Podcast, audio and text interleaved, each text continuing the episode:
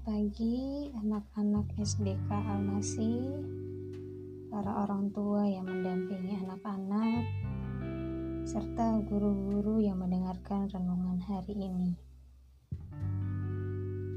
Judul renungan kita pada hari ini adalah Hati-hati dengan ucapanmu. Ayat natsnya diambil dari pengkhotbah 6 ayat 11. Karena makin banyak kata-kata, makin banyak kesia-siaan. Apakah faedahnya untuk manusia? Suatu sore Kiki dan Mama ke toko kue untuk memesan kue ulang tahun. Kiki melihat Ani, teman sebangkunya, duduk bersama seorang bapak tukang sol sepatu. Kiki memanggil Ani tapi Ani lari menjauh.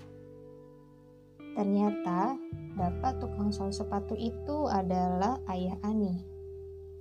Ani malu dengan pekerjaan ayahnya, sehingga ia berbohong kepada teman-temannya. Ia mengatakan bahwa ayahnya adalah pengusaha sepatu di Semarang. Mari kita baca pengkhotbah 6 ayat 7 sampai 11. Pengkhotbah 6 ayat 7 sampai 11. Segala jerih payah manusia adalah untuk mulutnya, namun keinginannya tidak terpuaskan. Karena apakah kelebihan orang yang berhikmat daripada orang yang bodoh? Apakah kelebihan orang miskin yang tahu berperilaku di hadapan orang? Lebih baik melihat saja daripada menuruti nafsu itu pun kesia-siaan dan usaha menjaring angin.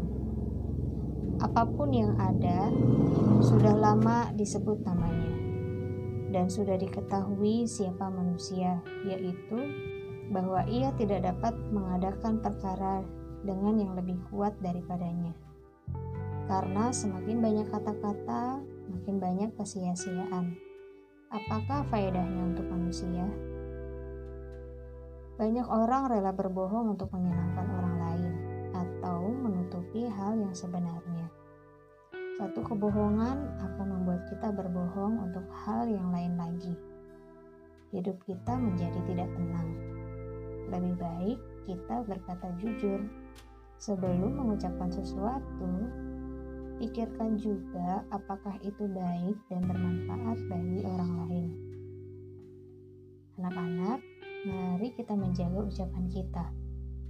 Dengan menjaga ucapan kita, maka kita menyukakan hati Tuhan dan menjaga hati sesama.